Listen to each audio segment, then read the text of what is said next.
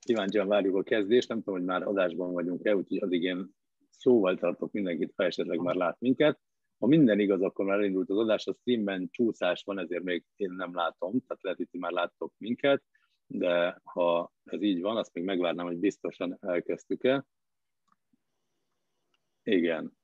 Szóval a, az a helyzet, bocsánat, itt nekem ennyit muszáj megállítanom. Jó, na tehát köszöntök mindenkit, és nagyon örülök, hogy itt vagytok. Ez a szokásos hétfő esti élő beszélgetés, ami elvileg hosszú távon úgy néz ki, hogy ti magatok is kérdéseket tehettek föl élőben, hogy a, hát hogy mondjam, legyen egy interakció a vendéggel. Most azonban úgy alakult a helyzet, hogy professzor dr. Boldogkai Zsolt a vendégem, vagy a beszélgető társam, aki a Szegedi Tudományegyetem munkatársa, jól mondom, molekuláris biológus, az MTA tagja. Jól mondtam, Zsolt? Hát, Igen. MTA Mondjad, segít. Az MTA doktora vagyok, és a, az orvos, Szegedi Tudományegyetem orvosi karán az Orvosi Biológiai Intézetnek én vagyok a vezető professzor. Szuper, elnézést kérek én ebben. Igen, nem, nem mertem puskálni, hogy a kamerában nézek, és, és igen, ez nagyon hosszú titulus, meg elnézést kérek. Eh, szóval a lényeg, hogy arról beszélgetnénk elvileg, és akkor itt eh, azt beszéltük, hogy mivel eh, Zsoltnak csak egy óra rendelkezésére, hogy most nem adnánk be élőben kérdéseket, viszont a csetet egyfolytában nézem, és az eddig felmerült kérdéseket is belefűzzük majd a beszélgetésbe, illetve ha jönnek továbbiak, akkor azokra is megpróbáljuk körbejárni, és e, e, hát választ adni rá. Úgyhogy Zsolt, én nagyon köszöntlek, és nagyon-nagyon köszönöm, hogy eljöttél. Bevallom, nekem szívügyemé vált ez a vírus helyzet, és hogy mi zajlik ma az országban ezzel kapcsolatban, és ígérem, ez nem csak rád való tekintettel, hanem a téma miatt, hogy nem politikáról szeretnék beszélgetni, tehát nem arról szól a mai beszélgetés, hogy a kormány jól csinálja, vagy nem, hanem igazából a, az egészségügyi helyzet realitása az, ami érdekelne. Tehát, hogy szakemberként mit látsz, hogy mi ma a legfontosabb, amire figyelnünk kell, milyen kilátásaink vannak, és hát aztán nyilván jönnek majd egyébként a meglévő intézkedésekből következő kérdések, tehát hogy ezek hasznosak-e, vagy inkább politikai döntések esetleg, de az egészség szempontjából mi lenne jó. Én átadom neked a szót, hogy ha összefoglalnád, hogy mi ma a helyzet, ami, ami komolyan vendő, az szerintem egy fontos kiinduló pont lehet. Hát először is azt mondtam, hogy picit csúszhatunk. Este 8-tól kezdődik egy szintén online családi program, kerek évforduló van, 20 éves vagyok, jó 30. Ja. Vagy a duplája. tehát, tehát kicsit csúszhatunk. A másik a politikát illeti ezt, ha nem mondod, akkor kérdést szerettem volna. Valójában egy egyetemi professzornak egy normális helyzetben ugye lehetne politikai véleménye nyilvánosan is. Magyarországon jelenleg nem normális a szituáció, tehát egymásnak feszülnek az indulatok, kialakult ez a, hogy mondjam, csoportösztön, klánösztön, hogy gyakorlatilag a, a tudatunk jelentős része a politikai hovatartozásunk határozza meg, és emiatt én nem szívesen nyilatkozom politikáról. Egyébként is rengeteg ilyen fronton nyitottam meg, tehát ez egy, probléma számomra. Most a járvány kapcsán nem is a ellentétek, hanem az összefogásnak van szerintem az ideje. Persze beszámítva ugye a, a vírus szkeptikusokat és az oltás elleneseket, hiszen azokkal nem lehet összebékülni. Ha összebékülni velük, velük az egy nagyon, hogy mondjam, rossz dolog lenne. Mi ma a já, járványhelyzet? Hát nem tudom, tehát ez egy nagyon-nagyon általános témakör. Szerintem lehet, hogy, hogy konkrétan kéne kérdezni, mi az, de először még akkor még egy ilyen bevezetőt, hogy ugye ez a járvány ez rengeteg szakterületet foglal magába. Kezd a molekuláris biológiától, ott is, ott is tehát TNS, RNS fehérje, az immunológián keresztül, a, az infektológia, ami ugye orvosi vonatkozás, a farmakológia, ez a gyógyszertani, meg maga az epidemiológia. Nincs olyan ember, aki az összes tudományterületet, hogy mondjam, magas szinten művelni. Én molekuláris biológus vagyok, de mondjuk az immunológia az, valamelyes értek, és az összes többi területhez nyilván egy laikustól sokkal többet értek, de nem vagyok a, a szakértője. Tehát amikor kifejtem a, a gondolataimat, akkor ezt így tessék osztani annyival, amilyen távol van az én szaktudásom valamitől. Akkor ebben segíts minket, hogy mindig mondd el, hogy mi az, amiben szakértőként, szakemberként tudsz Jó. véleményt alkotni, tehát hogy mondjam, hogy tényszerűen, vagy hogy mondjam, biztos vagy a dolgod, és mi az, amit mondjuk nem szakemberként. Melyik irányba, már úgy értem, hogy melyik irányba menjünk, hogy itt azért sok minden felmerült a mostanság, így az oltások, vagy a vakcinákkal kapcsolatban. Ugye a kormányzat alapkommunikáció, hogy az oltás az, amelyik megölheti a vírust, ez a legfontosabb ma. Én szerintem ez el, el is fogadható, hogy alapvetően nagyon fontos, hogy be legyenek minél többen oltva. De mit látsz egyrészt, hogy a vakcinák között nyilván vannak különbségek? Mi a, a, egy laikus számára van-e különbség abban, hogy válogasson-e, hogy mit adjon be, hogy adasson be magának, vagy visszautasítson esetleg valamit, vagy fölmerült olyan kérdés, megérkezett hozzám, hogyha valaki most elköteleződik az egyik mellett, tehát mondjuk nem tudom, kínaival beoltották, akkor ha nehogy Isten egy év múlva kell egy ismétlő oltás, akkor ő már csak azt kaphatja, vagy kaphat-e más gyártótól származót. Akkor álljon meg itt, mert már nem, nem tudom követések utána. Jó, tehát a következő. Nyilván van különbség a vakcinák között. Minden vakcina mellett vannak proérvek, meg vannak kontraérvek, és hol erősek a proérvek, mint a kontra, hol meg fordítva. Tehát ez az egyik dolog. A másik az, hogy hogyha egy normális helyzet lenne, mondjuk egy, egy valami vírus közeledne felénk, és lenne fél évünk, hogy felkészüljünk, az egy totálisan más helyzet, mint az, hogy itt van a vírus, és, és arat, már idézőjelben véve, mind a, az egészségünkre, mind a, a pszichénkre, mind a gazdaságra óriási negatív hatás fejt ki. Innentől kezdve egy mérlegünk van, egy mérlegünk van nagyon sok kérdésben, például ebbe is, hogy, a, hogy, hogyha mondjuk felajánlanak egy vakcinát nekünk, és jelenleg az a helyzet, hogy a nyugati vakcinák egyre késlekednek, hogy kapacitások, hogy mondjam, kiderült, hogy korán sem annyira végtelenek, mint ahogy, ahogy gondoltuk. Tehát itt, hogyha, hogyha az a választás, hogy beadjunk egy számunkra kedvezőtlenek tűnő vakcinát, vagy pedig várjunk, akkor mindenképpen azt, hogy adjuk be. Tehát ez egyértelmű. Adassuk a vakcinát, menjünk el és oltassuk be magunkat. Most a másik dolog pedig az, hogy itt igazából két különböző generációs vakcinák vannak, az egyes meg a hármas. A kettes úgy kimaradt. Ez mit jelent egyébként? Tessék? De a mit jelent? A, mi, jó, ja, igen. elmondom. Az első generációs vakcinák, ugye a klasszikus vakcinák, ennek két típusa van. Az egyik az inaktivált vakcinák, amikor elődik a kórokozót, jelen esetben a koronavírust. Tehát megvan minden neki, csak nem képes fertőzni, mert meghalt már idézőjelbe. A, a másik az a élő vakcinák. Itt ebből a több száz megközelítésből egyről tudok, hogy próbálnak ilyet, és az még a klinikai fázis egyes kísérletben van. Valószínűleg nem merik alkalmazni az embernél, ezek le vannak gyengítve. Úgy hívják, hogy ilyen attenuált vakcinák, hogy tud szaporodni, de korlátozott, ez most felejtsük is el, mert nincs. A második az most jelenleg, jelenleg nem, nem, nem játszik komoly fontosságot, ezek úgynevezett alegység vakcinák, mondjuk például ennél a vírusnál a, bocsánat, a, a tüske fehérjének egy kis darabját, azt a darabját, ami a legjobb immunválaszt váltja ki, azt oltják a vakcinaként. Ez jelen, jelenleg a védekezésben most nem jelentős. A harmadik generációsoknál pedig két, három megközelítés van, kettő, kettő már közismert. Az egyik ugye az adenovírus alapú, vektor alapú vakcinák. Ott lényegében azt csinálják ezekkel, hogy az adenovírusnak a, azokat a kényeit, amik az emberi szervezetbe kárt tudnának okozni, azt kiütik. Most nem megyek bele a részleteibe, hogy mit csinálnak ezekkel a génekkel, és betesznek, beteszik esznek a tüskefehérnek a génjét. Tehát bemegy a vírus, bemegy a sejtekbe is, és kifejezi ezt a fehérjét, tehát megtermelteti a fehérjét. A másik ez a vadonatúj messenger alapú vakcinák, ott ezt megszintetizálják, és kémiailag módosításokat csinálnak. Ez szintén bemegy ilyen nanorészecskés segítségével a sejtbe, és az is szintetizál. Ez az utóbbival vakcinálás még soha nem hajtottak végre, nagyon kis volumenben használták meg őket ilyen modern rákterápiára. Adenovírussal is igazából ebola ellen vetették be, tehát alig vannak tapasztalatok. Van egy ilyen harmadik, és ez lehet, hát nem, nem éreztük elő, de egy, egy, egy állítólag nagyon-nagyon határ, hatékony vakcina, hogy 97%-ot mondanak. Ez egy ilyen, ez egy ilyen rovarvírus viszi be a sejtekbe, ott összegyűjtik. Nem, nem érdekesen elmenjük bele, mert nem lesz még itt, ez a egyébként. Lehet, hogy Magyarországon nem is fog bekerülni. Tehát ilyen vakcinák vannak. És akkor ezek között van különbség, hogy valaki az egyiket, tehát mint az első generációs oltották be, akkor utána kaphat egy ismétlőoltást, második, vagy ez egyáltalán ismétlőoltás vagy egy vadonatújnak kell elképzelni az egy év múlvai oltást, ha lesz ilyen? Is különbségek vannak a hatásosságban, akkor ezt tisztázunk szerintem, mi az, hogy hatásosság. Igen, ilyen kérdés is jött, úgyhogy igen. igen.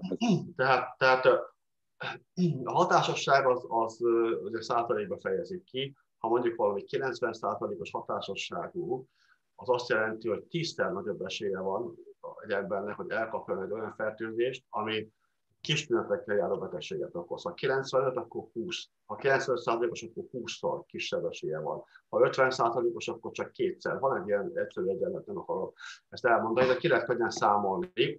A lényeg az, hogy itt sokan nem veszik azt figyelembe, hogy itt a, a, a, ezek az alacsony, tehát hogy mondjam, kis tünetekkel járó betegségekről van szó. Amikor arról van szó, hogy, hogy, hogy a súlyos betegségek ellen, a halál ellen hogyan véd meg, ott a sokkal nagyobb számokról beszélünk. Tehát itt mondjuk a kínai vakcina esetében merült fel, hogy ugye a hatásosság nem túlságosan magas, kevesebb, mint 80 százalék. Egyébként az AstraZeneca is körülbelül ennyi.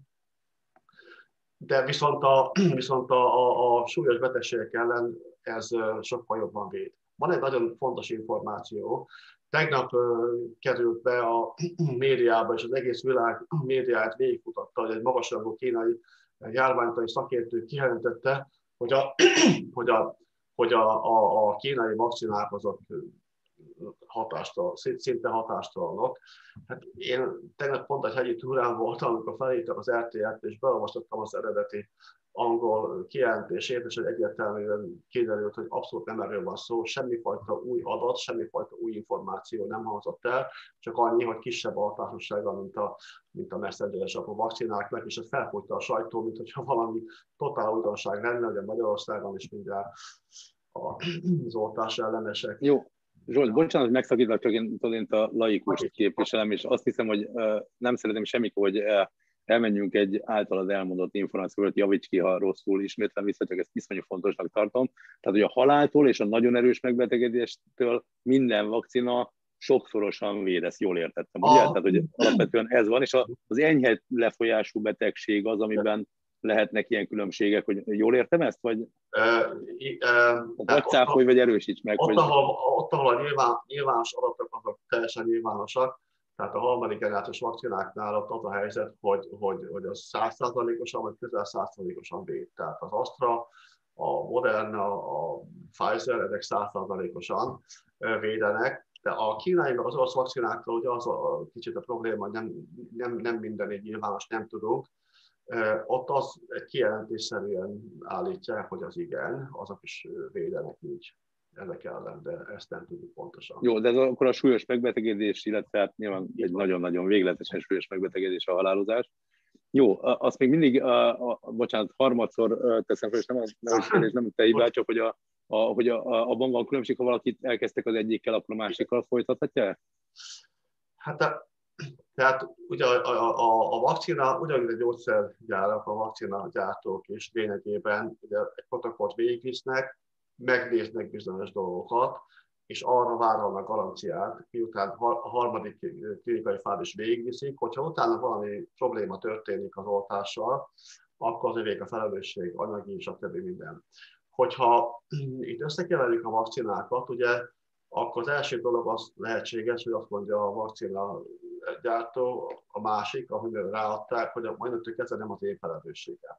Nem is nézték meg, tehát nincsenek ilyen kísérletek azt lehet mondani, hogy igen-igen valószínű, hogy problémát nem okoz, hogyha egy másfajta vakcinával ott van utána, sőt, erősíti a hatását, de a tudomány az, az úgy működik, hogy, hogy megnézi, és akkor levonja a konklúziót. Lehet logikázni benne, és sokszor nagyon nagy bizonyossággal tudunk mondani olyan dolgokról is, hogy mondjam, hát véleményt, ami, amiket nem tudunk. Tehát, tehát semmi nem indokolja azt, hogy problémát okozzon, de nem lehet kizárni, hogy, hogy valami van. Tehát, hogyha például most a kínairól kiderül, hogy kisebb a, a, a hatásossága, mint amit mondtak, ott egyik lehetőség az, hogy adnak egy harmadik dózist, a másik az, hogy, hogy adnak egy másfajta vakcinát. Tehát gyakorlatilag én mindig azt mondtam, tehát én voltam az, aki első, elsőként, az első között kiálltam a kreatív vakcinák mellett, ami egy kicsit faramocinak tűnik, mert én a tudományosságnak abszolút a precizitásnak a képviselője vagyok, csak itt egy hadi állapot van, vészhelyzet, hogy így mondjam. és mindig azt hangsúlyoztam, hogy a legrosszabb eset, ami bekövetkezhet, hogy a kínai vakcinák hatásossága nem éri el azt a szintet, azt a közel 80%-ot, mint amit közölt a hatóság. Uh-huh. És akkor, hogyha ha nagyon távol van ettől, és gyakorlatilag szinte hatástalan, aminek szerintem igen kicsi esélye van, akkor mi történik? Kapunk egy oltást, ugyanabban a helyzetben vagyunk, mint hogy nem kapunk oltást, mert hogy nincsen. és akkor tudunk adni egy másikat. De biztos, hogy, hogy valami fajta védő hatása van. Egyébként a WHO ajánlások szerint el kell érni az 50%-ot, hogy ajánlják. És a kínaiak egyébként beküldték a WHO-nak, és ők kijelentették, hogy hatásos. És itt vannak olyan publikációk is, úgy hívják ezt, hogy ilyen meta-analízis, amikor az összes publikációt összegyűjtik, megnézik, hogy jól csinálták-e a, a statisztikát, amit nem azt kidobnak, de nem nézik meg, hogy mi a végeredmény, és akkor összegzik ezt. Mert ilyen publikáció megjelent, és az, az a, a kínai hozta ki a legjobbnak, aztán a Pfizer, aztán AstraZeneca, de mind a három nagyon jó úgy jött ki. De hozzáteszem azt, hogy, hogy a tudományban a különböző állítások, meg tudományterületek, megközelítések között óriási bizonyossági különbség van, így mondja.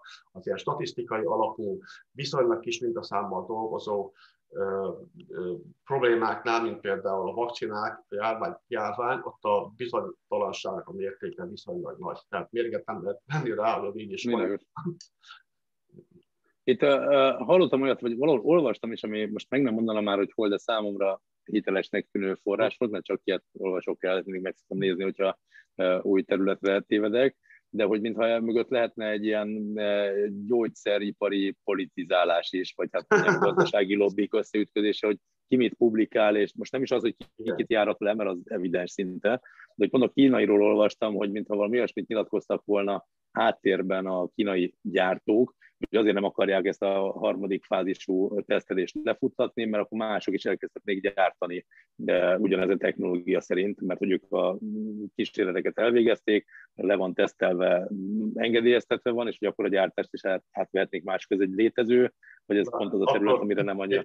Kezdjük a végéről. végéről. Igen. Nem, nem, tehát igazából, hogyha egy harmadik oltás kell, akkor az a, ez a presztízsveszteség a vakcinának. Tehát ugye ezt valójában egyébként az volt a helyzet, amikor elkezdték a, ezt a kínai vakcinát előállítani. Én, bocs, én nem is a harmadik oltásról, hanem hogy a, a, ugye az volt sokáig, hogy a harmadik fázist a kísérlet... Ja, a, a, a klinikai fázis, igen, igen. Vagy a klinikai fázis, igen, nem futatták le.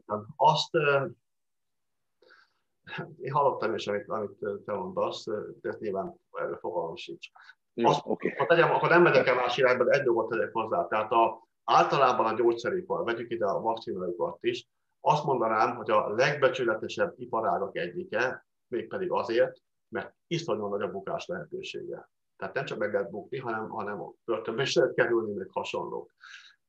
De azt nem azt jelenti, hogy másfajta trükköket nem tudnak bevetni, például a másik cég, céget lejáratni, vagy álhíreket terjeszteni. Tehát ugye elterjedt az, hogy az AstraZeneca-t ugye el akarják sülyezteni vagy az európai betétása, vagy pedig az Európai Unión belül, vagy nem tudom. Én nem vagyok ilyen konspirációs elméletek híve, de ilyet kizárni nem lehet, tehát elképzelhető. Ugye a Pfizerről is. De mindegy, na, tehát, tehát vannak ilyen Jó, dolgok. értem, de hogy... Nem, nem, nem lehet tudni, de ezt nem lehet kizárni. Ilyen eszközök kéthen élhetnek. De mondom, amellett, hogy, hogy a saját termékeikkel nem hazudnak, vagy, vagy mert, mert különben Világos. probléma lenne. Igen, ez a mégse, mégse, nem tudom, lisztet árulnak, aminek azért kisebb a azok. Jó, akkor térjünk vissza a tudományhoz, azt hiszem, akkor még mindig ja. ezen a vonalon maradnék, tehát ez a, az oltási vonal gyerekekkel mi a helyzet? Tehát, hogy, hogy az, az mennyire, Igen. hogy mondjam, mennyire tartunk ott, hogy, hogy esetleg erről lehet gondolkodni, beszélni róla, várható ebben elmozdulás? Most a gyerekeket azt, azt ilyen korcsoportok lehet osztani. A, hát azt mondanám, hogy a legkisebbek, azok az állapotos nők esetében beszélünk, ott már az oltások megkezdődtek érdekes módon. A másik, ez a 16-18 éves kategória, azt szokták először így tesztelni, mert ez közel van már felnőtt léthez. Talán van egy ilyen még, hogy 14-16 vagy 14-18, mint, mint, mint, mint egy külön kategória, és aztán a kisebb kicsit, tehát a, ugye újszülöttektől kezdve a 14-16 éves korig. A Pfizer már gyakorlatilag ilyen végstádiumban tart a, a, a tesztelést illetően, tehát tehát, tehát meg fognak jelenni. És hogyha ezelőtt pár évvel élnénk, akkor azt mondanám, hogy jó, lesz négy-öt év, és akkor a piacra kerül, de iszonyúan felgyorsultak az események, és elképzelhető, hogy már őszre lesz ilyen, vagy nem is nem tudom. Ne, nehéz megjósolni, mert a, a, a vakcina fejlesztés egy teljesen új logikán, hogy mondjam, engedélyezik, meg, meg fejlesztik őket, ami iszonyúan felgyorsítja az egész folyamatot.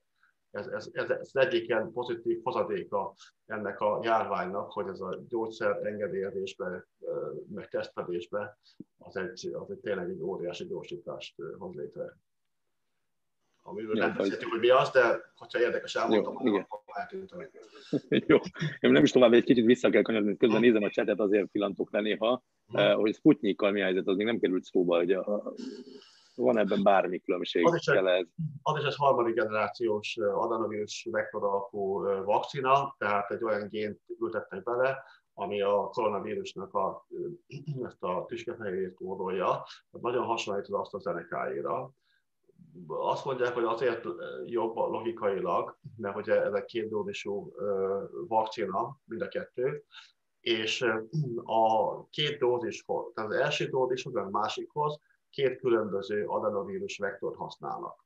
Miért jobb ez? Azért jobb, mert ugye, hogyha a vírus, maga az adenovírus vektor ellen is termelődik ellenek, ami nem kellene, az fölösleges. Hogyha ugyanazt használjuk, hogy akkor a második oltásnál egy nagyon robusztus immunválasz fog képződni maga a vektor ellen. És a különböző vírust használunk, ugye akkor lehet, hogy a némi kereszt reaktivitás, de ez nem áll fel. Tehát ez volt ilyen logikai alapon, hogy ez jobb az orosz, de hát ők is egy kicsit sajnos titkolóznak, ugye most a szlovákok panaszkodnak, hogy nem azt mondták, mint amit leközölték a Lancet nevű nagyon rangos orvosi labba, tehát ők is leközölték. Tehát igazából tehát itt a probléma a következő, hogyha valaki hazudni akar, vagy be akar csapni, akkor nem feltétlenül a titkolózása egyetlen módja ennek, megcsinálhatja, hogy más jegyzőkönyvet ad be, mint amit ő végzett. Tehát itt rengeteg, hogy mondjam, dolog van. Igen. De most egyelőre, ha jól értem, akkor az ugye a feladat, hogy bízunk a világban bármi is lesz, nem? Tehát, hogy most az, hogy kénytelenek vagyunk. Minden, minden, minden egy bizonyossági szintje van. Valójában, amikor a nyugati a keleti vakcináról beszélünk, akkor nem arról van szó, hogy a tudomány áll szembe a tudománytalansággal, hanem egyfajta bizonyossági szint áll szembe egy másik fajta bizonyossági szinttel.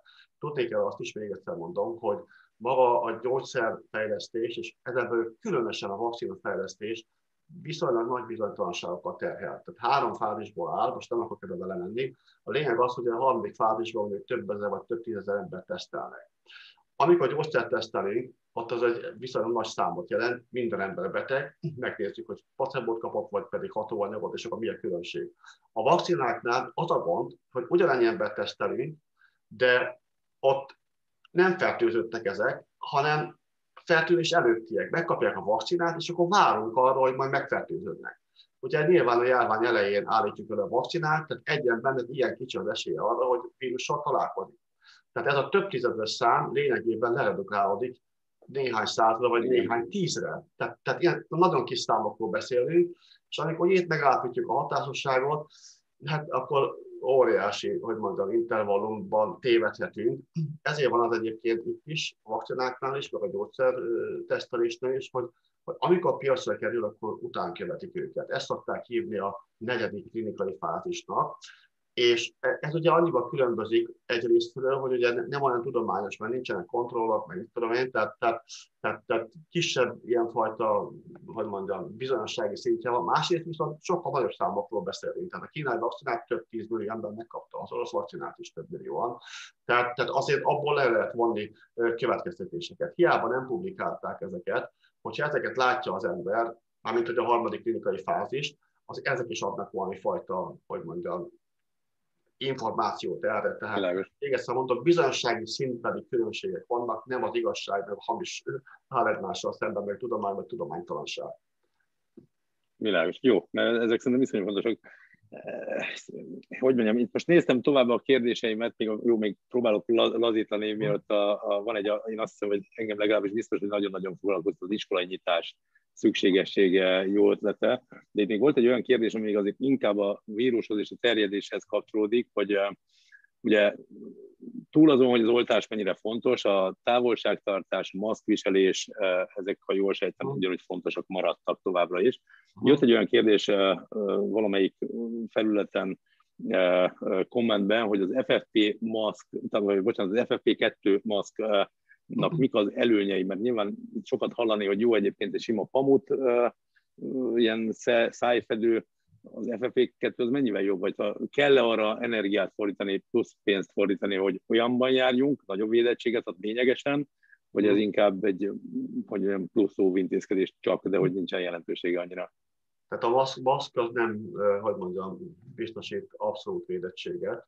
Minél kisebb pórus mérete, annál nagyobb. Tehát ezt, ezt szokták, hogy a, a, a víruszkeptikusok mondani, hogy a, ez a pórus méret ez jóval nagyobb, mint a vírusnak a mérete, csak hogy itt abban ö, tévednek, hogy a vírus nem önmagában fertőz, hanem ilyen cseppekben, tehát ez hívják cseppfertőzést, tehát az aeroszoltól kezdve egy nagyobb cseppekig. Most ez a csepp ugye viszont már nagyobb, mint a, lehet, mint a pórus, és akkor beleragad, és nem, nem fogja megkapni. Tehát, hogyha ilyen vászon tesz föl, ott az, az kevésbé véd, mint az FFP2-es maszk, de egyértelműen. Tegyük hozzá azt, hogy ugye a vírusfertőzés az nem igen nem kérdés. Tehát, hogyha csak néhány vírus kerül be az orrunkba, akkor az nem feltétlenül okoz betegséget, nagy fertőzést, tehát egy bizonyos dózis kell hozzá. De emiatt ugye fontos lehet, hogy milyen maszkot viselünk, egyértelműen. Jó, szóval akkor azt ajánlhatjuk, hogy a lehető legjobb minőségét mit engedhet meg magának, de a lehető legjobb minőségét használja, mert az is egyfajta védettség mindenképp. Jó, na hát és akkor én áttérnék arra, ami, ami azt hiszem, hogy manapság elég fontos kérdés, és talán te kezdted el, ha jól emlékszem, legalábbis a média szintjén tőled hallottam először talán, hogy az iskolai nyitást hm. azt még egy kicsit korainak találod, de nem csak te, hanem a, hát a, én nem hallottam szakmabelit, aki ne ezt mondaná, de hát a kormányzatnak dolgozó vagy hogy mondjam, a, a, hogy hívják, a törzsi ülésnek hívom, az operatív törzs ülésén résztvevő szakemberek is azt mondják, hogy korai az április 19-i iskolai nyitás. Hát, te hallottad nyilvánosan ezt? ezt valaki lenyilatkoztál, az oroszi Beatrix nem, nem nekik, de szerintem ő ott tanácsadója az operatív törvények, és ő maga is elmondta, hogy ő azt javasolná, hogyha az iskolákat kinyitják április 19-én, akkor addig, amíg a tanároknak a második beoltás után nem telik el két hét, addig csak maszkban legyen oktatás. Tehát mind a tanárok, mind a gyerekek maszkban legyenek. Tehát, hogy igen. Tehát Szlávik János is azért, a, a, hogy mondjam, sokat szerepel a kormányzati kommunikációs csatornákon. Ő is elmondta ugyanezt, hogy, hogy hát én most nem emlékszem pontosan, hogy ő talán 6-7 milliós számot mondott átoltottságban, hogy az lenne az ideális, de hogy két és fél milliónál nem nyitná ki ezt, ezt, ezt tegyük ide félre, beszéljünk erről, erről a dologról is. Akkor először a iskola. Most mindegy, hogy ki mondta, korábban volt erről szó, amikor még nem kötelezte el magát a kormány a korai iskolanyítás, mert azt tudom, tehát a kormányhoz közel álló szakértők, akkor így mondanám, mondták itt korábban is, én utána nem hallottam szakmát. Egy-két nyugdíjas virológus az igen, de mindegy, nem érdekes most az elsőség.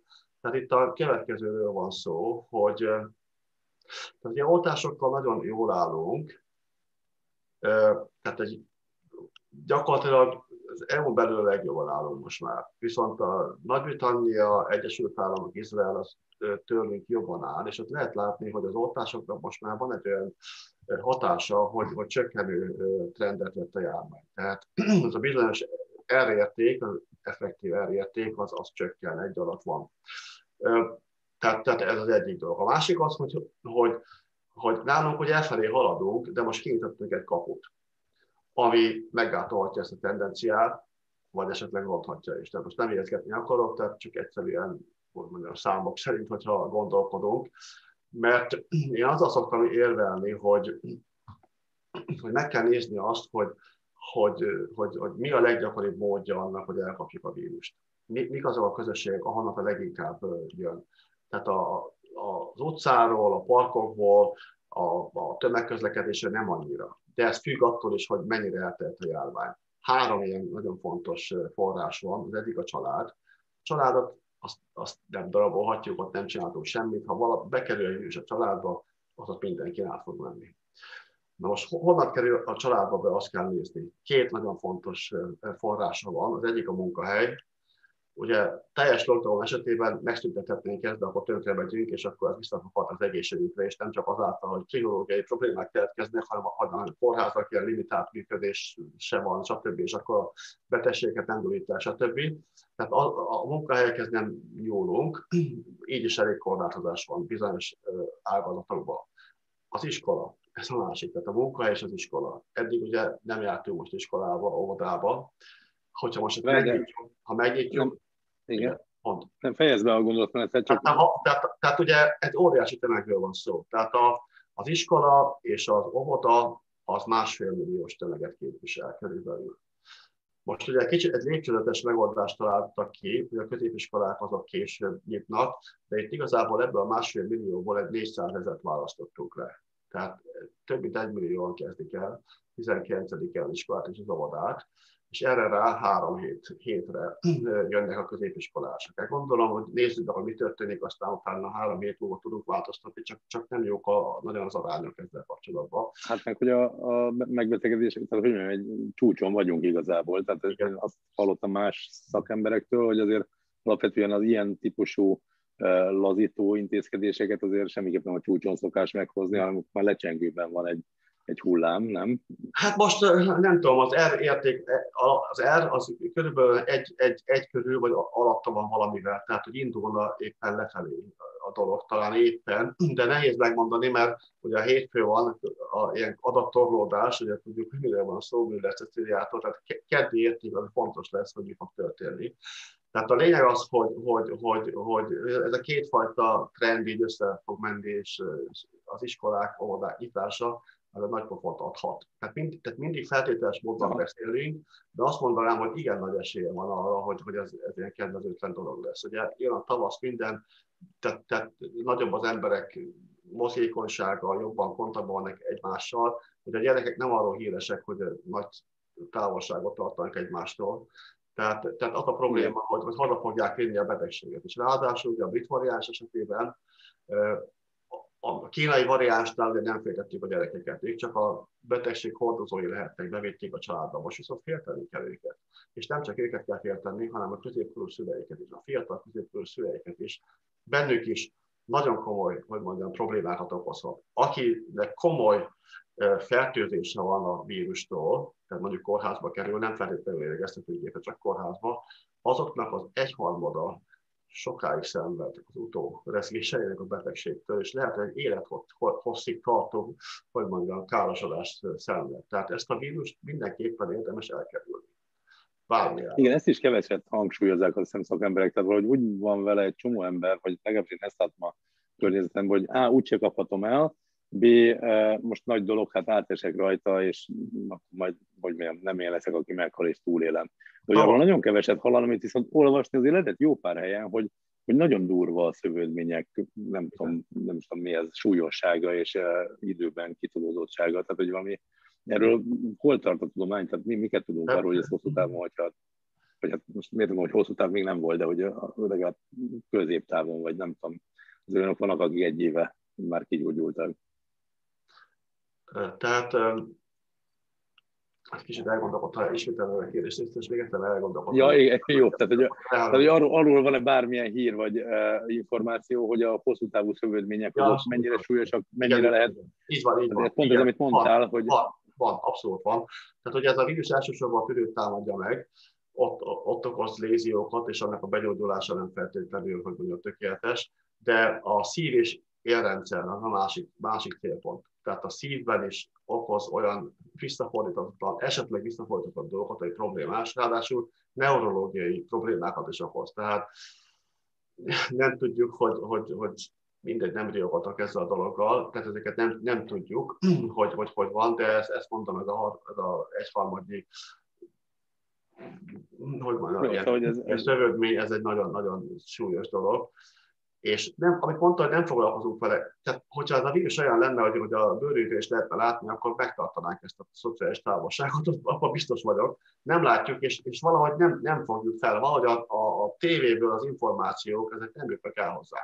Én azt gondolom, hogy lehet, hogy jó lépés lenne a kormány részéről, hogyha beengedné a médiát, hogyha fél attól, hogy a a kormány, a kórházak állapotáról akar tudósítani a betegek helyett, engedje be akkor szerintem a, a TV egyet, vagy nem tudom, mutassa meg, hogy mi van, és ez sok emberre elrettentő hatású. Ezekre a kemény, mag, mag, hardcore oltás ellenesekre nem fog hatni, de sok emberre viszont igen, ha látja, hogy mi van. Mert nagyon fontos a fegyelmezettség, tehát volt egy olyan tanulmány, ami kimutatta azt, hogy a fegyelmezettebb országokban Finország és az ázsiai országok, és én szerintem erről nincsen szó, de, de Németország, tehát Németországban nagyon fegyelmezettek az emberek, én tavaly voltam kint, tehát most nem mondom a részleteket, és viszonylag jó statisztikát is produkáltak, tehát sokkal jobbakat, mint most is, meg korábban is.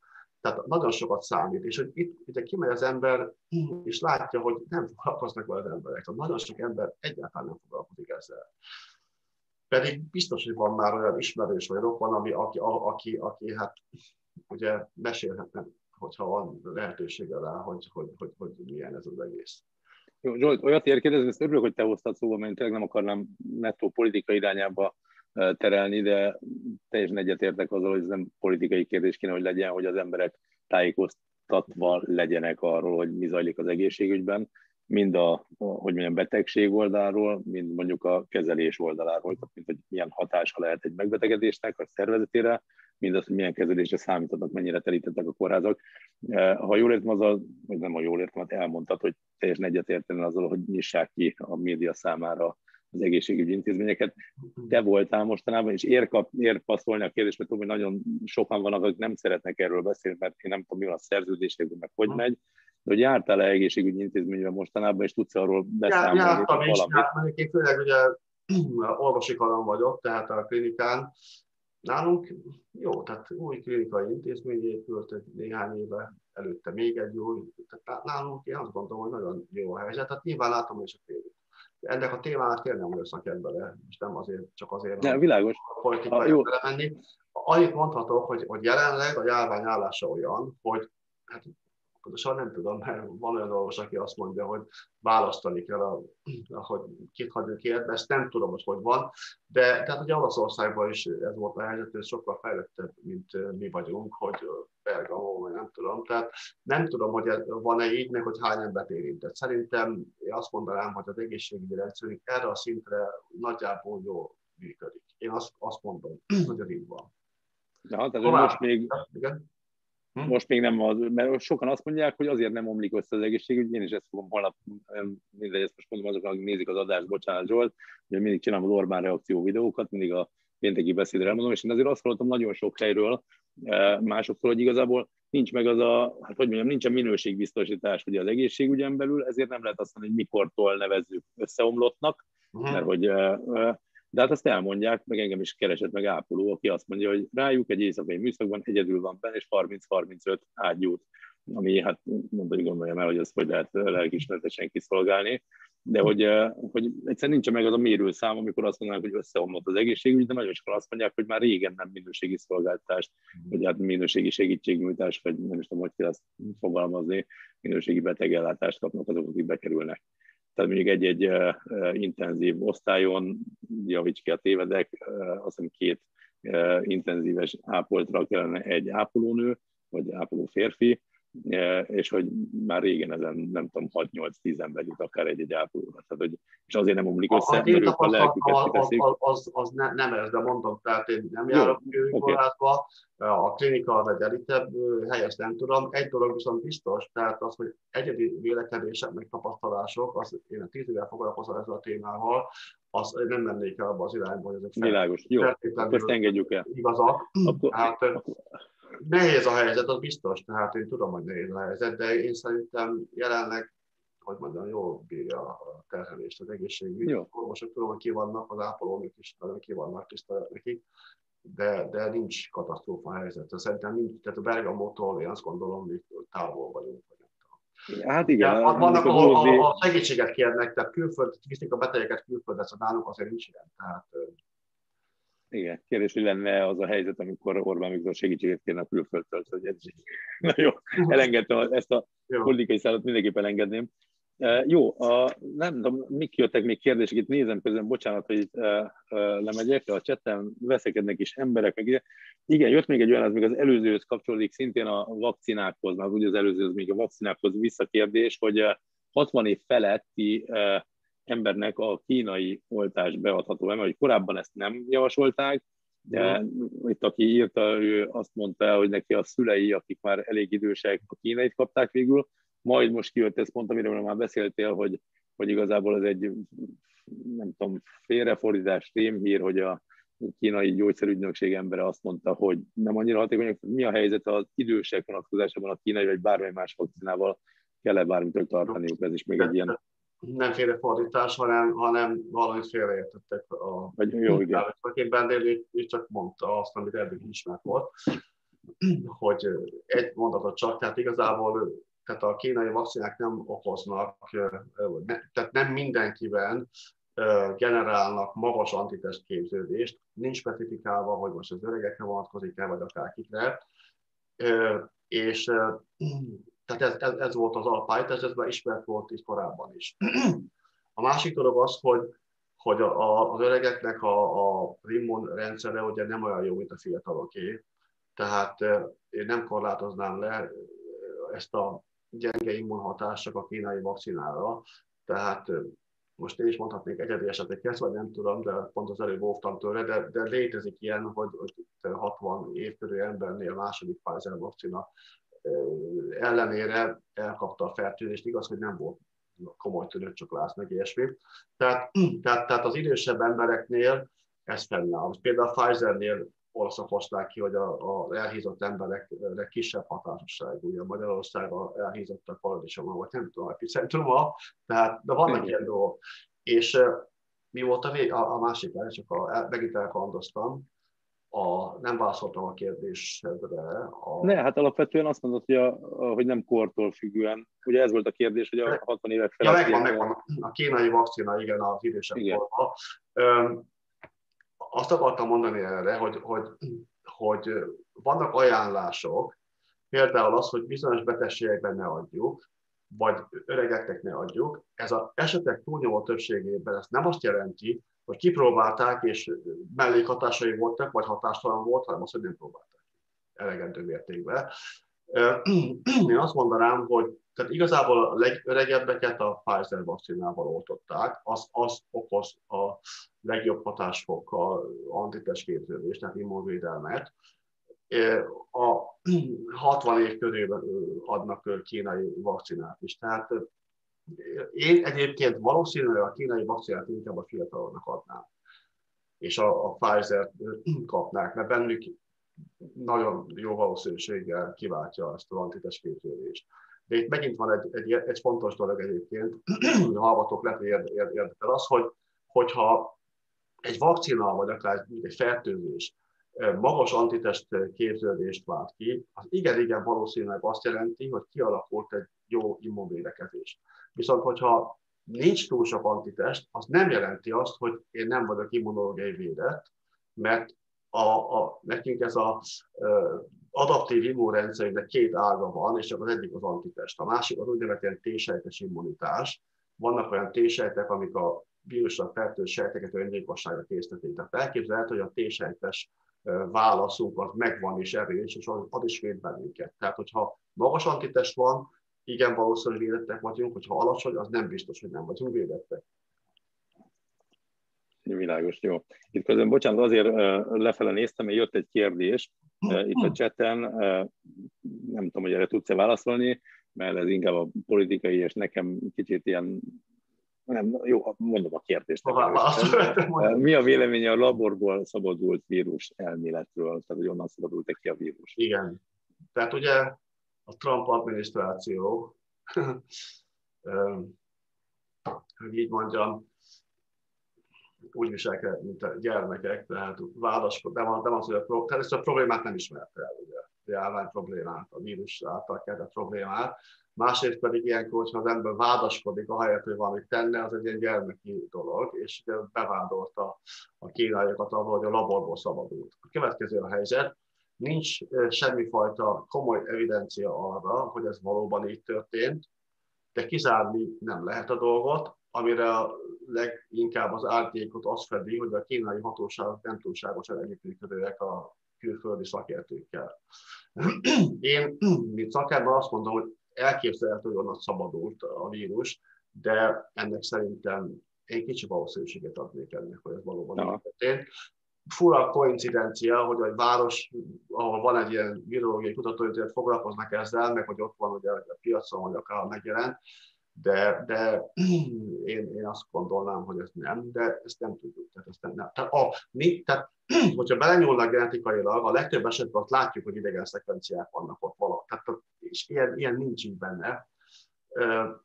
Pontosabban van benne, tehát ebből ugye Denevér vírusról van szó, és egy picike szakasz az a topzoskának a koronavírusára hasonlít. Tehát így ebben az értelemben van, de ezt a vírusok megcsinálják maguktól ezt a fajta rekombinációt.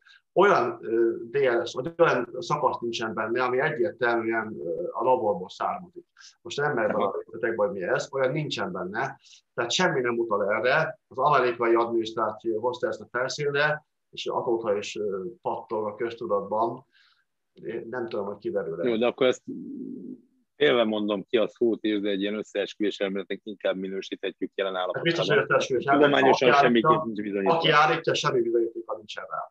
Jó, akkor ez így jó. Akkor itt a válasz, és nagyon köszönünk minden támogatást azoknak, akik itt még közben a szupercseten. Én azokat a feliratokat láttam, ami vicces a helyzet, pénzzel érkezik, az ilyen nagy zölddel világít, és ez így jött egy ilyen kérdés. De, de jött még egy, egy másik csatornán, hogy a, az elő, amiről beszéltünk, és te, most bocsánat, nem akarok megint a századozni semmit, az, hogy kvázi dicsérted a, az egészségügyi jelen állapotát, vagy abban az értelemben legalábbis, hogy bírja. Itt valaki folytatta a kérdést, hogy akkor miből fakad ez a, a nagyon magas halálozási arány és szám. Ugye azt tudni kell, hogy Magyarország világ első a 1 millió főre vetített halálozású számában a teljes vírusidőtartam alatt, most különösen magas a napi halálozási adag, és azt mondják eh, intenzíven dolgozó orvosok, hogy akár 90-95 százalék is lehet annak az esélye, hogy valaki nem kerül ki az intenzívről. Eh, nekem ma reggel halt meg egy eh, harcos társam közeli ismerősöm, volt kollégám az Nyíregyházi kórházban, aki egyébként egy életerős 50-es éveiben járó, azt mondanám, hogy fiatal ember volt, tehát, hogy miből fakad ez a magas halálozási szám, hogyha ennyire rendben vagyunk egyébként, vagy miért van az, én ezt többször megkaptam, amikor védtem a helyzetet, és akkor ez már a kérdés utolsó fele, hogy de Svédországon miért nem halnak meg ennyien, holott egyébként a fertőzési arány meg nagyon hasonló a magyaréhoz. Jó, akkor ha valami nem választok, arra kérek, hogy akkor ismételd meg egy este egy kicsit. El... Ja jó, jó, aztán el is engedlek. Úgyis ebben maradtunk, hogy egy tehát, tehát, tehát, hogyha valaki lélegeztetőgépre kerül, az, a, az egy szuper kórházban, és viszonylag magas a esély, hogy, hogy elhalálozik, elhalálozik. Nem akarok riogatni. A miénk egy kicsit alacsonyabb, de nem sokkal. Én azt mondanám, hogy a magas halálozási okok közül kizárnám a egészségügyi intézményeknek a, a, a, az állapotát. Tehát és szerintem nem. Következők lehetnek. Tehát először is ugye a járvány az régiókról régiókra vándorolhat. Tehát van egy ilyen dinamikája, amit nem tudunk pontosan, de nem függ attól, hogy mit csinál a, a, a kormány vagy akármi. Van egy olyan része, ami, amitől függ, tehát a bevezetett szociális távolságtartó intézkedésektől egyértelműen függ. Tehát ugye míg az előző tavasszal a világ egy eltérő paradigmával reagált, tehát a korlátozásokkal elsősorban Európában. A korlátozásoknak a tesztelés utánkövetés egy bizonyos kombinációi voltak, és ekkor Svédország nagyon rosszul produkált, mert tényleg a nyári nyújtást akart elérni, és tévedett ebben, az egy hibás politika volt. És a másik pedig az, hogy de ez a spekuláció, tehát ez a spekuláció, nem biztos, hogy így van. A magyar népesség egészségi állapota nem túl jó. Euró, az Európai Unióban magasan vezetjük az elhízottsági statisztikákat. Az elhízottság az egyik legmagasabb, hogy mondjam, olyan tényező, ami, ami, ami ne, nem jó a vírussal szembeni védekezés szempontjából. Az elhízottság a legmagasabb rizikó tényezők között egyiket. Tehát ez a... egy nagyon erős kockázati faktor, hogyha valaki elhízott. Most kezdjük el sportolni még. Az egészségi állapota a magyar népességnek sem túlságosan jó. Most nem akarok ilyen közszereket mondani, nem sportolni, nem tudom micsoda. Nem, összefüggésben is van egyébként az elhízottsággal. De ez ennyire szóval... egyszerű lenne? Tehát, hogy, mert hogy én azt gondolnám, hogy a, a, nem, nem tudom, a kelet-európai blogban hasonló lehet a helyzet, sejtem, nem tudom, nincs adatom nem, rá. A elhízottságban nem, nem hasonló, tehát mi nagyon ja, igen, tehát világviszonylatban is nagyon jók vagyunk.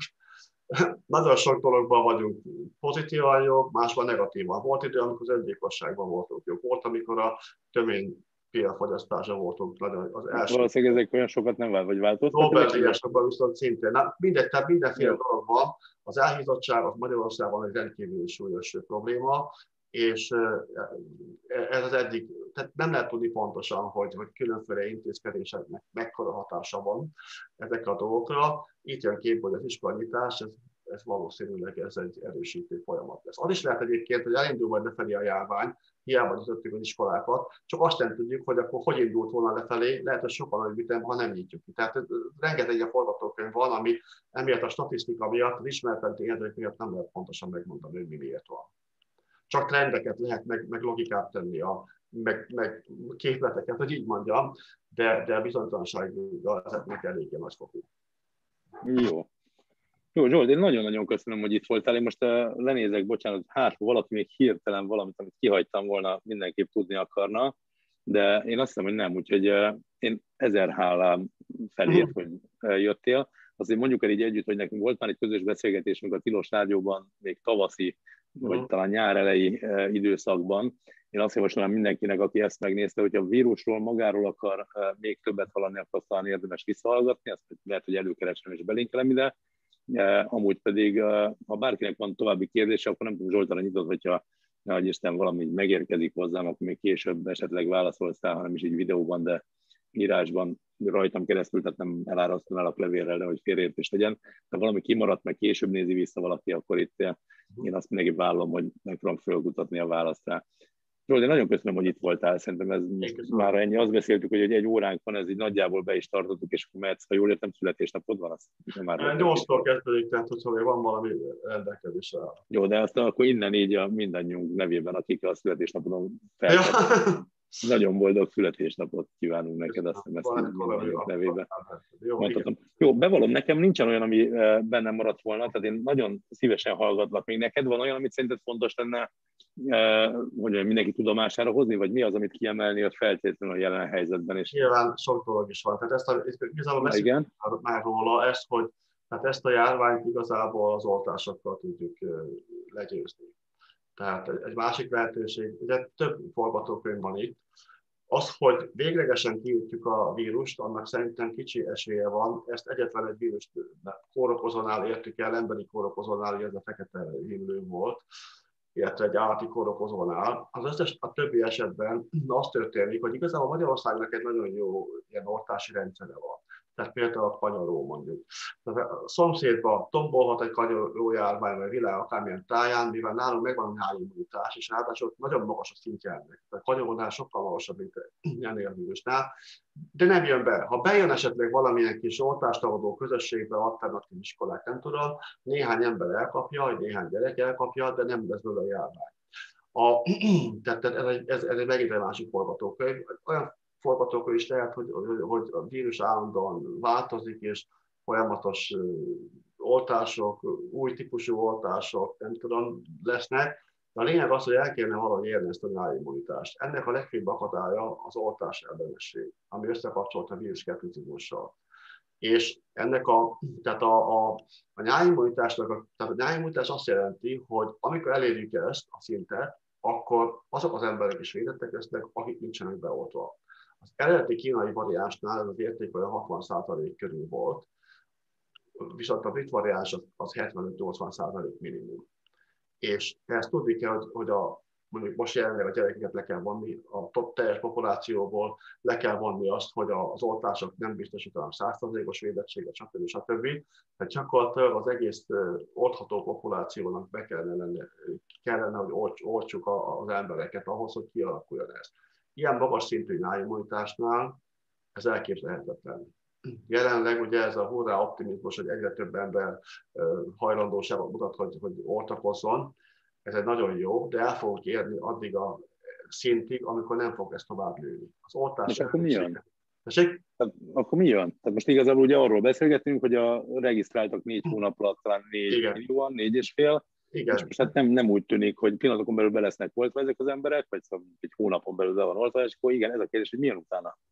Tehát te belesznek egyébként, most már jönnek majd a nyugati vakcinák is, tehát ettől nem félek, hogy nem lesz. Még tovább fog növekedni. Ja, nem, a, nem, én sem a vakcinák hiányától félek, hanem az emberi szándék. Ez, ez, ez. Tehát, tehát azt jelenti, hogy még növekedni fog, hogy, hogy hány millió, azt nem tudom, de az biztos, hogy elérjük olyan szintet, ami még alatta van az ráimmunitási küszöbnek, és emiatt valamit tenni, lépnie kell a kormánynak. Én ezért hangoztatom, ez egy nem egy, hogy mondjam, érnek kiállni, ez egy nem egy, hogy mondjam, olyan Hát nyilvánvaló, hogy, hogy, hogy támadások keresztül kerül az ember, sokan szabadságjognak élik ezt a saját oltásukat, az, hogy a gyerekeket beoltják, az nem érdekes, de hogy a saját dolgokat beoltják, az már egy akármicsoda.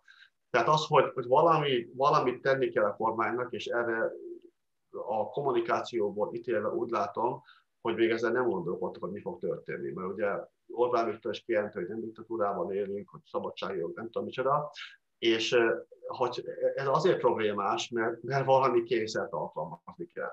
Tehát vagy az oltási igazolványnak adott nagyon erős jogosítványokat, de tényleg erős jogosítványokat. Tehát kezdve attól, hogy nem szállhat fel a tömegközlekedésre, nyilván az éttermek a szóba se jöhetnek, meg a bizonyos szakmáknak kötelezővé tenni, tanároktól kezdve, a, ugye itt van tanártal, hogy azt mérik, hogy milyen a, a, az oltakozási hajlandóság. Meg kell oltani őket mindegy szállni. Gyerekeket nem beszéltetik, se a tanárok, se az orvosok a pácienseiket, tehát, tehát, tehát kötelezővé kell tenni. Erre kéne van forgatókönyv, és a kommunikációt is úgy alakítani, hogy később ne az legyen, hogy akkor ezt mondta ez a miniszter, a miniszterelnök, és akkor most még teljesen másként. Hát úgy kell kommunikálni ezzel, hogy, hogy, hogy, hogy ezzel, ha szembe kerülünk, valamit lépni kell, mert különben itt ragad ez a vírus. Tehát tehát igen, valószínű, hogy, hogy, hogy így itt fog ragadni a vírust. Ezt meg kell ebben, a problémát. Igen, ebben látsz mondjuk a szakma részéről egy ilyen konszenzusos álláspontot, hogy, hogy valamilyen módon nyomást gyakorol, most nem, hogy mondjam, nyilván nem, nem, nem hogy félreértsed. Direkt, nem, tudom, én azt mondom, hogy nagyon jól viselkedtem, hogy nagyon kerültem a politikai felhangok, és nem is kontrázok az ilyeneknél, hogy veszten, vagy nem tudom én, de azért valamiféle szakmai nyomásra én azt mondom, hogy lehet szükség, nem? Tehát, hogy, hogy legalább egy közös nem tudom, kiállás, vagy egy közös javaslattétel, vagy nem tudom, az orvosi kamara ebben mennyire uh, vonódik bele, hogy ilyen javaslatokat megfogalmazon közösen, hogy ebben van-e egyetértés, inkább így kérdezem, mert nyilván nem az én dolgom generálni. A konszentus van, hogy, hogy, hogy ennél a vírusnál magas a nyájimmunitás. Ezt igazából nem nagyon hallottam senkitől, hogy egy kiállt volna, és emellett kardoskodott volna. Ez nem egy népszerű dolog. Tehát, hogyha millió hiszik azt, hogy, hogy az én szabadságokban való, vagy két lábbal való bele tiprás, hogy kényszeríteni valakit. Tehát én megszoktam már a, a tíz év alatt, hogy, hogy olyan témákat feszegetek, amik, amik hogy mondjam, igen, hát is van az eredménye, mert te is megkapod a magad troll hadseregét és a beszólásokat, és küzdesz velük. Jó, de lehet, hogy azért lenne ennek fontos szerepe, mert hogy pont, hogy nem politikusok vagytok, és azért talán a politikusnak, aki egyébként jó szándékú szeretne lenni, most tényleg naívan feltételezem, hogy mindenki jó szándékú szeretne lenni, aki a politikában van, de egy erőt tudna adni, hogy van egy szakmai közösség mögöttem, amelyik azt mondja, hogy szigorítani kell ezeken az intézkedéseken, mert hogy egyébként, hogy mondjam, mindannyian megbetegedhetünk. Talán nem, nem indiszkréció, mivel nem mondok neveket, tehát a szakmában nyilván folytatunk tárgyalásokat, háttérbeszélgetéseket, és ott én azt mondanám, hogy ebben nyilván egyetértés van. Tehát ez egy logikai szükségszerűség, hát nem is kell szakma. Tehát, hogyha nem érjük el a nyáimmunitást, ami egy egyszerű matematikai képekkel kiszámítható, és ennek az akadálya az, hogy az emberek nem hajlandók beoltani magukat, ez gyakorlatilag egy logikai szükségszerűség, hogy valamiképpen rá kell venni. Hogy ennek mi a módja, ez egy, ez egy jó kérdés. Igen, igen. nem fognak bevállalni, főleg a választások előtt, hogy berendelik az embereket és belédöfik a kést, ez csak olyan kést, bocsánat a hanem, hanem tényleg motiválni kell őket, de nagyon-nagyon erős motivációt alkalmazni, hogy ő maga határozza el, hogyha valamilyen szolgáltatást igénybe akar venni, valami szakmát akar űzni, külföldre akar menni, bárhova akar menni, akkor muszáj legyen, hogy beoltassa magát. Dünnyögni fog, vagy nem tudom, de, de beoltassa magát. Tehát ezt, ezt nem lehet elkerülni. Ezt, ezt, ezt már most hangsúlyozni kell, hogy ezzel a problémával szembe fogunk kerülni. Nem tudom, mi lesz a nyáron, mert az előző variánsnál az volt, hogy volt egy ilyen, az első, a második hullám között egy ilyen mély völgy, Ugye, hogy ezt mi okoz, ez egy jó kérdés. Valószínűleg a kínai variánsra a nyár nem volt jó hatással. A magasabb hőmérséklet, az erős UV-sugárzás valószínűleg csökkentette a, a, a terjedő képességét. Vannak rá ellenpéldák, arra is van magyarázat, hogy a brit variánsnál mekkora hatása, ezt nem tudom, de ez ilyen megnyugtató álláspont volt szerte a világban. És akkor megnyugodtak, és nem készültek. Tudták, hogy lesz, lesz hullám, de nem készültek rá és hát tartottól ugyanez lesz majd, hogy, hogy nem készülünk arra, hogy, hogy valami adminisztratív intézkedésekkel fogadjuk a következő hullámot. És van bármilyen szimuláció, vagy nem tudom, hogy ha ennyi beoltott vagyunk, vagy ennyi beoltottal állunk, és jön egy következő hullám, akkor annak milyen intenzitást jósolhatunk? Vagy hogy azért gondolom, hogy ez mindenképp számít azért, mert sokan ugye azt a megközelítést is hangoztatják, hogy hiába mondja bárki, hogy be van oltva két és fél vagy három millió ember, mert az valóságban azt mondja, hogy 7 millió nincs beoltva, és 7 milliós populációban is iszonyúan tud terjedni. Mondod, hogy egy nyájimmunitás ugye az egy ilyen álomhatár lenne, de hogy kicsi az esély, hogy magunktól elérjük.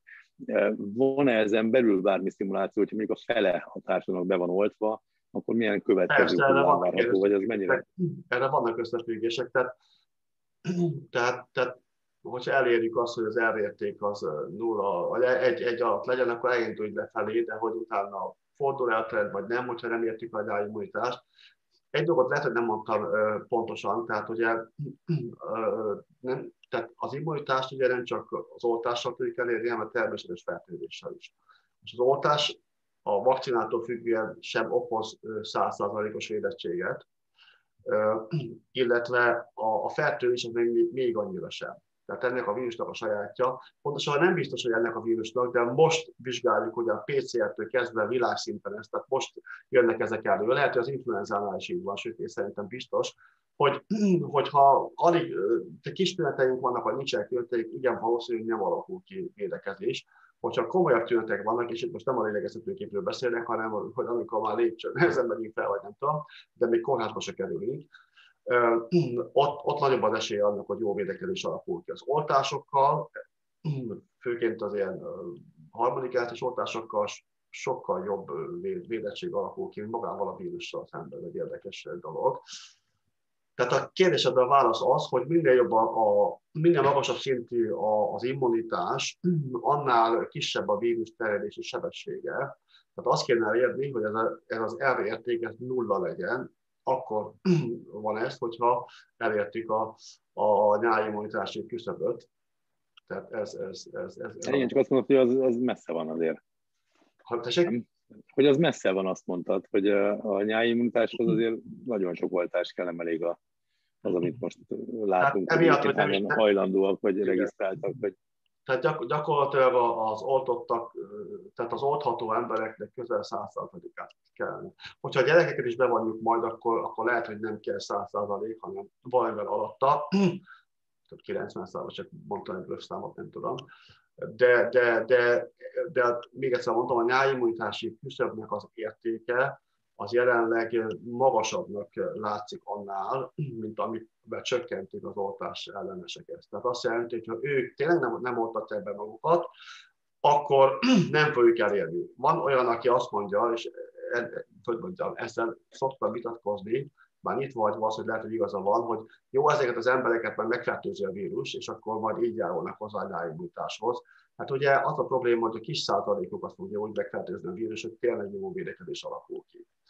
Tehát ezzel szembe fogunk kerülni. Ezt, én ezt, ezt, ezt, ezt hangoztatom óta útfélen, hogy, hogy valaki, aki ilyen döntési pozícióban van, vagy a szakma is karolja fel ezt a gondolatot, hogy próbáljuk megtenni ellenük. Vagy a, vagy a, a, vagy a, vagy a büntető hogy mondjam, oldalon büntető, büntető törvénykönyv alkalmazóit, hogy akik rájönnik valami, itt a, itt a szellemi vezérekre gondolok, azt vegye komolyan azt, ami le van írva benne, és alkalmazza azt a legnagyobb szigorral, mert, Jó, de két évi fegyver, mert ugye áldozat válhat belőle, vagy nem tudom, de hát tehát itt vannak, és igen, nem, hát ebben az a nehéz tényleg, hogy pláne most, hogy mondjam, én pozíciómban is én azt tudom tenni, azt mondom a legtöbbet ezért a helyzetért, ami nektek, orvosoknak, hozzáértőknek segíthet, hogy én, mint aki egyértelműen az ellenzék az ők besorolva, nem hangoztatom hangosan, hogy erre van szükség, hát ha akkor nem egy direkt ellenállásba ütközik a dolog mert azt látom, hogy ez tisztán politikai kérdés egy ponton. De nehéz egyébként, tehát azt mondtam észre, hogy a szakértők között is, meg ez általános emberi tulajdonság, hogy nem tisztán gondolkodunk. Tehát ha valamilyen eszme iránt elkötelezettek vagyunk, valamilyen csoporthoz tartozunk, akkor a gondolkodásunkat nagyon elfogult. Én az saját megpróbálom nagyon kontrollálni.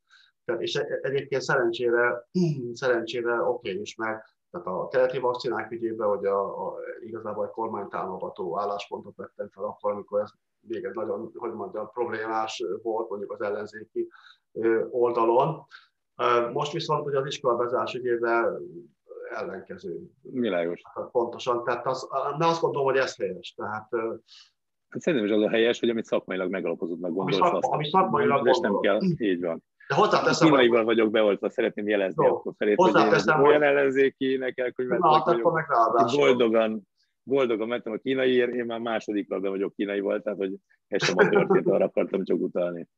Tehát, hogy igen, én is ezt tartom a észszerűnek, és pont ezért mondtam ilyen kicsit, hát viccesen egy normális országban azt gondolom, hogy teljesen egy egységes fellépésre lesz szüksége a minden politikai oldal részéről, leülni hátul egy, nem tudom, pincében magunkra húzni, és annyit van, hogy emberéletekről van szó, nagymamákról, nagypapákról, kiszonyú magas vállalás, kiszonyúan kevesen akarnak voltatni, álljunk bele mindannyian, és nem ellenzék meg kormány, hanem tényleg egy ilyen nemzeti konszenzus kéne. Én azt látom, hogy erre nyilván a politikai logika is egy kicsit alkalmatlan, de hát a jelenlegi kormányt most nem szívom a kedvedért, de én azt gondolom, hogy itt mentalitásbeli problémák is vannak azért Ugye nem, nem, még annyit mondanék esetleg a, nem, nem ilyen sajnálatból, hogy azért egy nagy kockázat is bevállaltam ezzel mondjuk a keleti vakcsinával kapcsolatban, mert ugye, amit említettem, minden meg bizonyossági szintjei, valószínűségei vannak. Tehát egy igen kicsi esélye van annak, hogy rosszul tettem.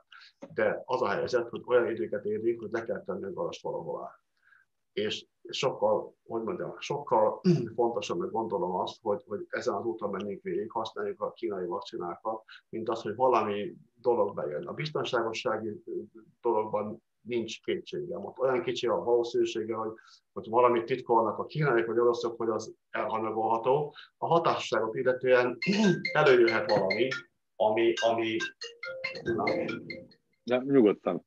Ami, ami, ami, ami, ami ami mondjuk esetleg cáfol engem, de erre is viszonylag kicsi esélyt adok. Tehát itt a legrosszabb az lehet még egyszer, hogy a kínai vakcina nem annyira hatásos, mint ahogy beállítják, de akkor sincs semmi probléma, mert ugyanott vagyunk, mint hogyha a vakcina hiány miatt nem lennénk beoltva, és akkor ugye kapunk majd akkor másnap, vagy kapunk egy harmadik kínai vakcinát, vagy az oroszra ugyanezt lehet mondani. Tehát, tehát ezt akartam még így hozzátenni ehhez a... Jó. Nagyon-nagyon köszönöm, mert ezer hála tényleg mindenért, mert ez nagyon fontos, hogy szakemberekkel találkozzanak azok, akik ma hát ritkán jutnak szakemberek véleményéhez, hogy finoman fogalmazzak, amire te is utaltál, abban azért konszenzus van jó lenne a sajtó jobban ellene látva információval, általában a vírusról, általában egy határozottabb kommunikációt és a kormány részről, általában befér, vagy bemehetnének egészségügyi intézmények, vagy szembesüljenek emberek, hogy mi történik. Ez ami iszonyú fontos volt, hogy itt voltál, és nagyon-nagyon köszönöm. Elengedlek szülinapot, ez már lehet, hogy az a hívás, nem tudom, de, de még egyszer nagyon boldog születésnapot neked, és köszönöm, hogy itt voltál. Jó, azt még a csatorna nézőinek elmondom, hogy jövő héten is jövök, jövő héten Bolyár Gábor lesz a vendég, mert leginkább arról fogunk beszélni, hogy a gazdaság állapota hogy áll ma Magyarországon, van ennek köze ahhoz, hogy mindenképp nyitni akar a kormányzat, és hát Bolyár Gábor azért járdos az iskola témakörében is, vagy oktatás témakörében, ugye egy magánegyetem alapítója és fenntartója, tehát elég komplex rálátás lehet a jelenlegi helyzete. Én köszönöm, hogy itt voltatok, köszönöm, hogy a feliratkoztok a csatornára, ha még nem tettétek, itt megvannak a linkek a leírásban. Ha, ha tartalmilag szeretnétek beleszólni az én műsorok alakulásában, akkor a Juhival együtt csoportban bármikor várom a véleményeteket, hozzászólásotokat, kritikát, észrevételt, bármit. körülbelül ennyit tudok most mondani, TikTokon, ha rövid változat kell, tehát az egy óránál rövidebb egyperces változatokért ott követhettek be, ha pedig támogatnátok a csatorna működését, akkor én azt nagyon boldogan veszem, és egy hihetetlen jól pörgő, napi szinten jelentkező csatornát fogunk összehozni majd egyszer, az még ott évben. Szóval köszönöm, hogy itt voltatok, Zsolt, neked még egyszer nagyon köszönöm, úgyhogy jövünk jövő hétfőn. Köszönöm. És hát holnap Orbán reakció, az egy más műfaj. Sziasztok! Sziasztok!